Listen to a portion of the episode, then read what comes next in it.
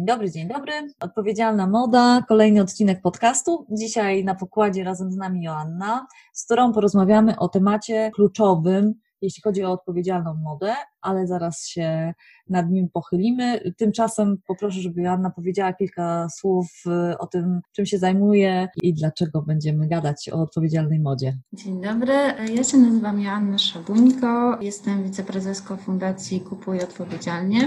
Na co dzień właśnie zajmuję się pracą fundacji, współprowadzeniem fundacji.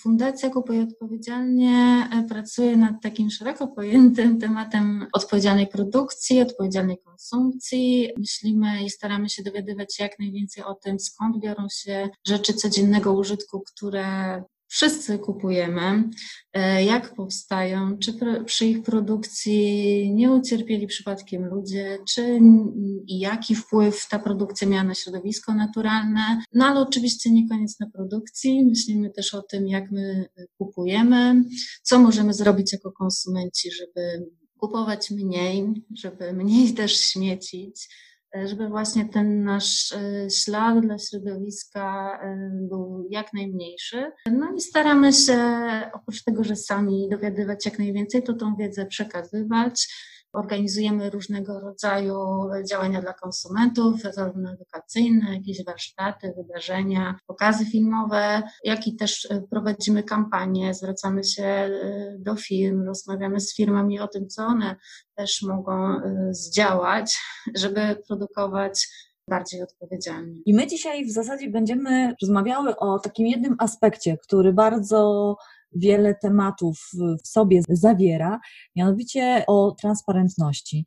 Y, bardzo często ten temat pojawiał się przy okazji Rana Plazy, tej strasznej tragedii, która jak w soczewce w ogóle pokazała wszystkie bóle branży odzieżowej, a to, co tam się mm, jakby najsilniej pojawiło, to to, że marki odzieżowe z Europy, ze świata udawały lub rzeczywiście nie wiedziały, w jakich warunkach i gdzie powstają, produkowane są ich y, ubrania.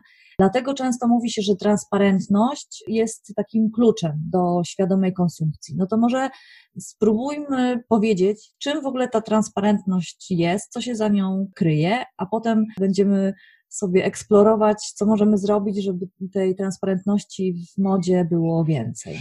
E, Rana Plaza to była straszna tragedia, a chyba jeszcze dopełnieniem tej tragedii był fakt, że to poprzez znajdowanie metek w gruzach e, budynku zawalonych fabryk e, bardzo często dowiadywaliśmy się, jakie marki produkowały tam swoje ubrania.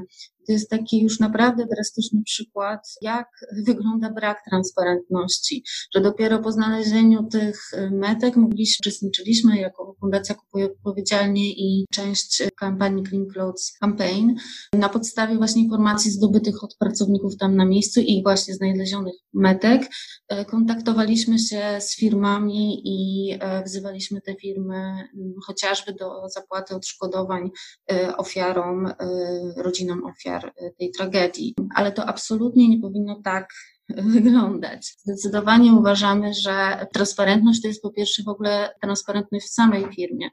Y, firmy powinny znać swój łańcuch dostaw, wiedzieć dokładnie, gdzie produkują, w miarę możliwości unikać pośredników, a jeżeli pracują z pośrednikami, to też zaufanymi też sprawdzać tych pośredników, jakby nie kończyć na pośredniku, tylko e, zgłębiać ten swój e, łańcuch dostaw. Przemysł odzieżowy to akurat jest też przykład na to, jak długie i skomplikowane mogą być te łańcuchy dostaw. Bardzo często firmy zlecają produkcję jakiejś większej fabryce, ta z kolei podzleca swoim podwykonawcom. Czasem ten łańcuszek sięga też do domów pracownic. Tutaj też mamy do czynienia z pracą chałupniczą często, gdzie już w ogóle jest trudno w jakikolwiek sposób kontrolować warunki pracy. Więc po pierwsze transparentność to e, myślę mm, jest ważny temat dla samej firmy i, i znajomość tego łańcucha dostaw do ostatniego ogniwa. A po drugie to też ujawnianie tych informacji, publikowanie swoich łańcuchów dostaw i w takich postulatach organizacji pozarządowych często pojawia się nie tylko samo ujawnianie list fabryk, ale też, co jest bardzo ważne, uaktualnianie tych list. Nie wystarczy raz wrzucić do netu e, listę swoich e, dostawców, którzy bardzo często się zmieniają, więc też e, chodzi tu o jakąś, jakąś całą politykę informacji o, o swoich miejscach produkcji. No i też ważne są nie tylko adresy, ale też informacje o tym chociażby, czy w danej fabryce działa związek zawodowy. Też nie chodzi o to, żebyśmy po prostu mieli te informacje, tylko chodzi o to, żeby one czymś służyły a e, służą polepszaniu sytuacji pracowników. Jeżeli wiemy, że w danej fabryce na przykład firma ma nie wiem jak to nazwać, ale większość produkcji jest dla danej marki, wtedy wiemy, że ta marka ma wpływ na tą y, fabrykę. I w przypadku odkrycia jakichś y, rządzących y, sytuacji łamania praw człowieka, praw pracowniczych, wiemy, że można się zwrócić do danej marki i ona może coś zaradzić, no bo jakby ma tutaj, że tak powiem, pole do działania, bo klient się z nią liczy. Więc to jest taki przykład, do czego, do czego ta transparentność e, służy i od strony e, pracowników, ale myślę, że też jest istotna dla nas e, konsumentów, bo ja jako konsumentka bardzo bym chciała wiedzieć, czy kupując dane, dane ubranie nie przykładam się do jakiejś sytuacji, gdzie mogą być wykorzystywani ludzie. Już o tym słyszymy, wiemy, że to się zdarza, wiemy, że jest duże ryzyko w przemyśle odzieżowym, więc myślę, że warto jest wspierać firmy odpowiedzialne, które takich informacji nam o konsumentom dostarczają. Wiesz co, moje doświadczenie no, zawodowe z czasów, kiedy pracowałam jako y, produkt menedżerka, wygląda w ten sposób, że y, ci dostawcy zmieniali się dużo częściej niż y, my byśmy sobie nawet tam wewnątrz firmy życzyli, dlatego że była niewyobrażalna presja na cenę. To znaczy mnie jako menadżerce produktu, która miała dowozić terminy i pracować z, z, dostawcami, którzy robią dobre rzeczy, z którymi mam fajny kontakt, y, ja się musiałam niejednokrotnie z żalem y, z nimi żegnać, ponieważ oczekiwano, że kupcy znajdą tańsze fabryki. W związku z tym lecieli w świat i to już nie był ten mój zaznajomiony dostawca z Chin, tylko nagle y, wchodziła firma z Kambodży, która nawet od pracowników, od nas y, na drugiej stronie świata wymagała dużo większego takiego zaangażowania. Trzeba było tego dostawcy wszystkiego nauczyć, a jednocześnie myśmy o nim wiedzieli tyle co nic, tak? Więc moje pytanie, dlaczego firmom, które są pod taką presją, y, żeby produkować ubrania tanio, ma zależeć na tym, żeby jeszcze się zajmować transparentnością, no bo tak naprawdę czy tutaj ten nacisk i ta presja jest tylko od strony konsumentów, czy marki też coś zyskują, dzieląc się tą informacją, bo, bo my byśmy tutaj w tej rozmowie chciały tak naprawdę przekonać marki i firmy też, że warto to robić. Nie tylko dlatego, że jest się dobrym Samarytaninem, tylko dlatego, że to się w jakimś sposób opłaca. No to gdzie tutaj są te, te plusy z transparentności, Twoim zdaniem? Co będzie sprawiało, że marki e, i firmy będą brały tę odpowiedzialność za za cały łańcuch dostaw, a nie tylko za ten moment, kiedy no, trzeba skasować klienta i, i przejść do kasy. Zdecydowanie ja na pewno wiem i widzę w mojej pracy, że firmy raczej nie robią nic, co im się w jakiś sposób nie, nie opłaca. Natomiast wiele firm już zrobiło krok w kierunku tej transparentności. 2016 roku y, trwała taka kampania Go Transparent y, i wtedy rozpoczęło się namawianie firm odzieżowych do podpisania tak zwanego Transparency Pledge, czyli takiej obietnicy transparentności i właśnie podstawowym takim krokiem przyjęcia Transparency Pledge było y, ujawnienie chociażby listy swoich dostawców i jej regularne uaktualnianie. I do tej pory, mm, do tej akcji przystąpiło ponad 70 dużych głównych firm odzieżowych. Myślę, że to pokazuje, że jednak jest coś w tej transparentności, co się firmom opłaca. A ja myślę, że po pierwsze jest to odpowiedź na żądanie konsumentów, że jednak firmom się opłaca, jeżeli konsumenci kupują ich produkty, więc muszą e, też odpowiedzieć na potrzeby konsumentów. a coraz więcej osób, zwłaszcza po Rana Plaza, interesuje się kwestią e, odpowiedzialnej produkcji. Coraz więcej właśnie osób też pyta, skąd, e, to też czasem jest pułapka, skąd dane rzeczy pochodzą i jakby jest to temat na pewno interesujący dla, dla konsumentów. Więc myślę, że to jest jeden z powodów, na, dla których firmy się decydują na takie kroki, jak na przykład ujawnienie chociażby tej totalnie podstawowej e, listy dostawców. Ale myślę też, że, e, że żadna firma nie chce zobaczyć e, reportażu w telewizji z metkami swoich marek w gruzach fabryki. I myślę, że to jest duży, duży powód, dla którego też ten wzrost polityk, społecznej odpowiedzialności i takich też, faktycznych działań po Rana Plaza się pojawił. Więc myślę, że to zdecydowanie leży w interesie firmy, y, żeby wiedzieć, y, znać swoich dostawców i też analizować ryzyka związane z tymi y, dostawcami.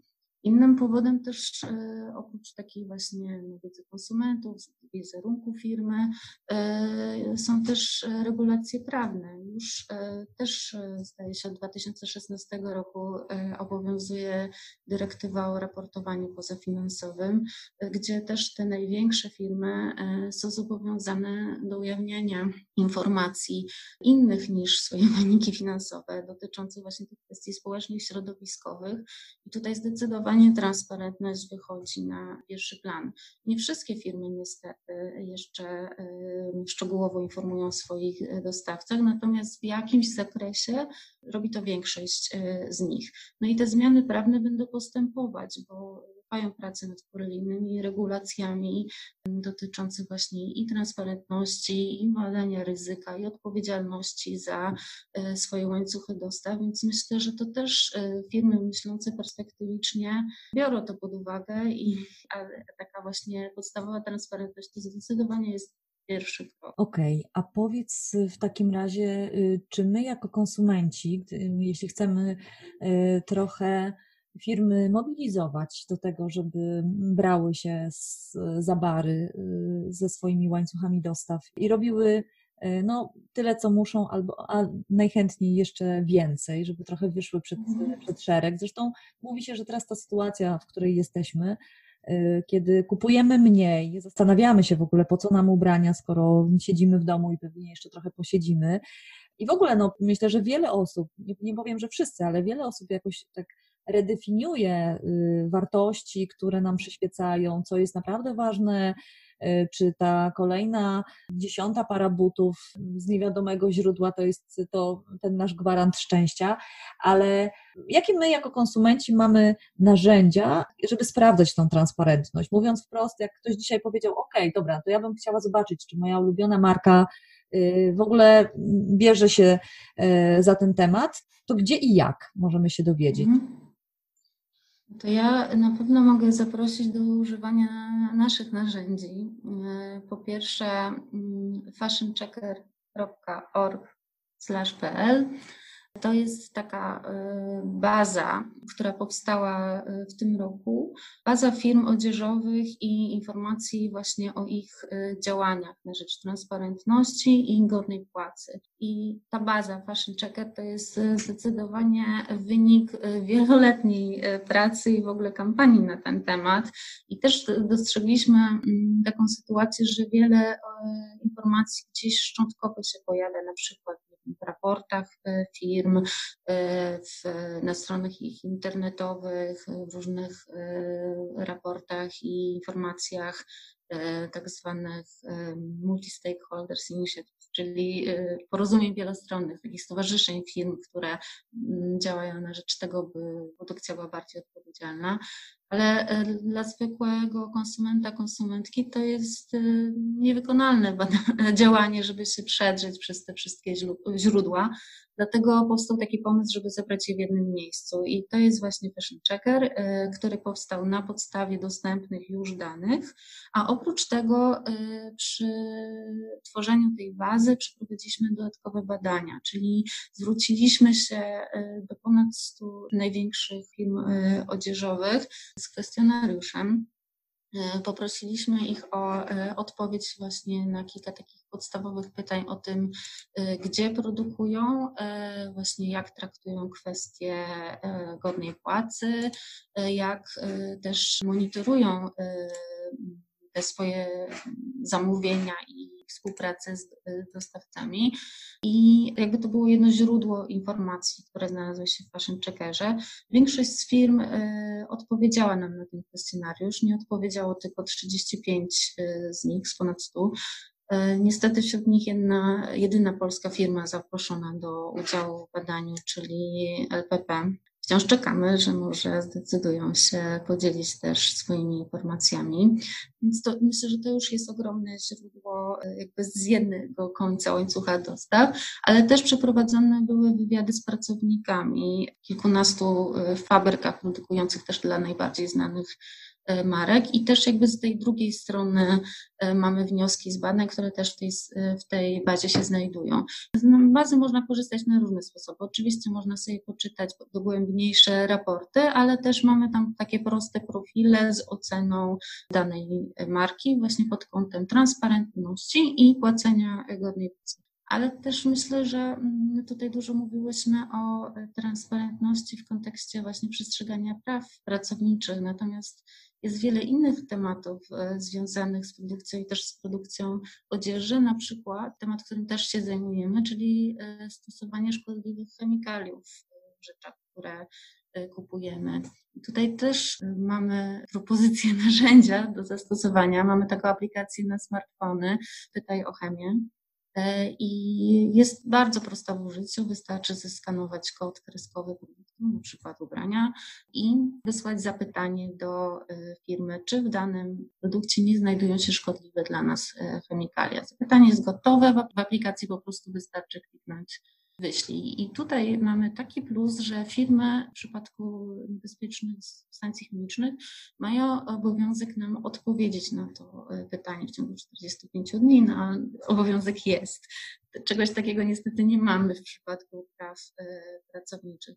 Więc zachęcam do, do używania i fashionchecker.org.pl i też e, właśnie aplikacji mm, pytaj o chemię. Ona też jest oparta po prostu na takiej zasadzie, że powinniśmy pytać i, i im więcej pytamy, tym większa szansa, y, że jakaś odpowiedź się kiedyś y, pojawi. Dlatego też serdecznie zachęcam, żeby też pytać swoje ulubione marki, pytać w sklepach. Czasem takie pytania też prowokują jakąś większą edukację w samej firmie. Absolutnie. Y, ja myślę, że w ogóle musimy trochę przejąć stery i zawsze też powtarzam studentom, że kiedyś ta komunikacja marka-klient, ona była bardzo w jedną stronę. Marki mogły po prostu mhm. reklamować swoje produkty, wysyłać do nas jakieś komunikaty y, przez billboardy, gazety, telewizję.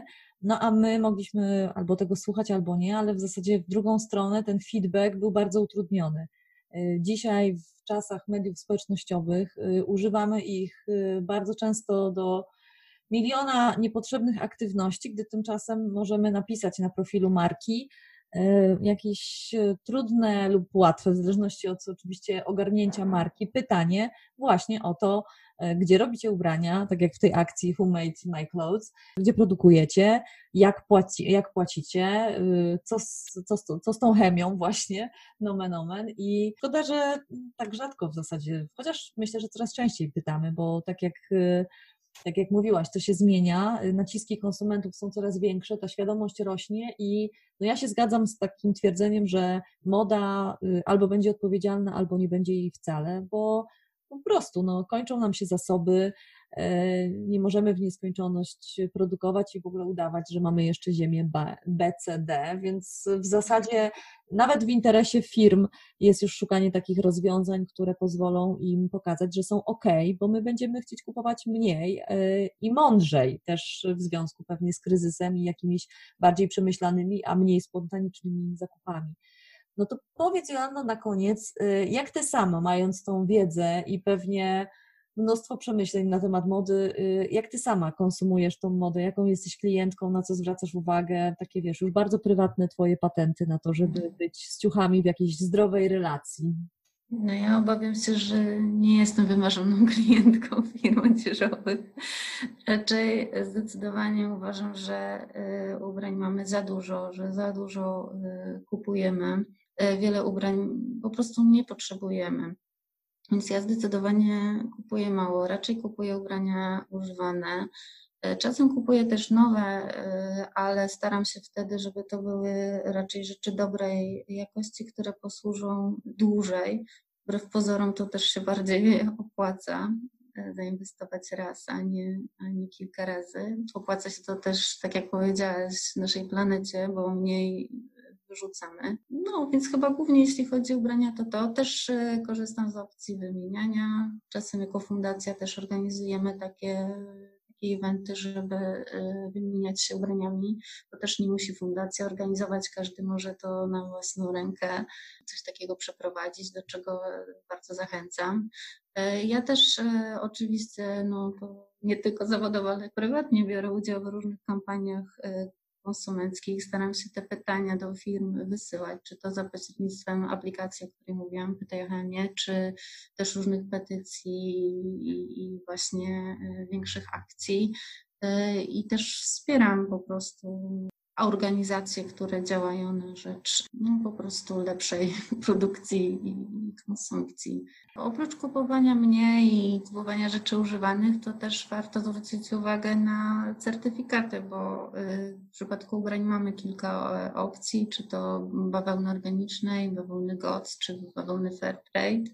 E, możemy też e, zwracać uwagę, bo kupując na przykład rzeczy, y, odzież sportową, y, gdzie bardzo często możemy kupić rzeczy z materiałów z recyklingu. Y, warto też wybierać w ogóle już w ubraniach materiały bardziej naturalne, na przykład len. Jest też dobrym materiałem, nie tylko dlatego, że jest naturalny, ale też nie ma takiego śladu jego produkcja znacznego dla środowiska naturalnego. Więc myślę, że, że w tą stronę też warto iść, poczytać więcej o tym, jakie materiały są bardziej ekologiczne i, i, i takie wybierać. Super. O certyfikatach e, trochę już gadałam i pisałam, e, ale mhm. zawsze dobrze o tym, e, o tym przypomnieć. Bardzo Ci dziękuję w takim razie. Będziemy. No, też dziękuję. Super. Do zobaczenia, dobrego dnia i tygodnia. Wzajemnie, pa. Dziękuję Wam za wysłuchanie tego odcinka. Linki do wszystkich wspomnianych miejsc, jak zwykle na blogu odpowiedzialnamoda.pl albo katarzynazajączkowska.com.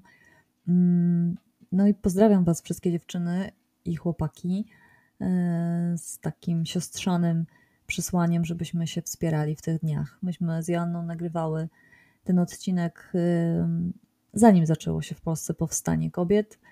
Mm, mam nadzieję, że przy następnych e, odcinkach będziemy mogły powiedzieć, że narodziło się z tego wszystkiego coś fajnego dla nas wszystkich. Trzymajcie się, pa.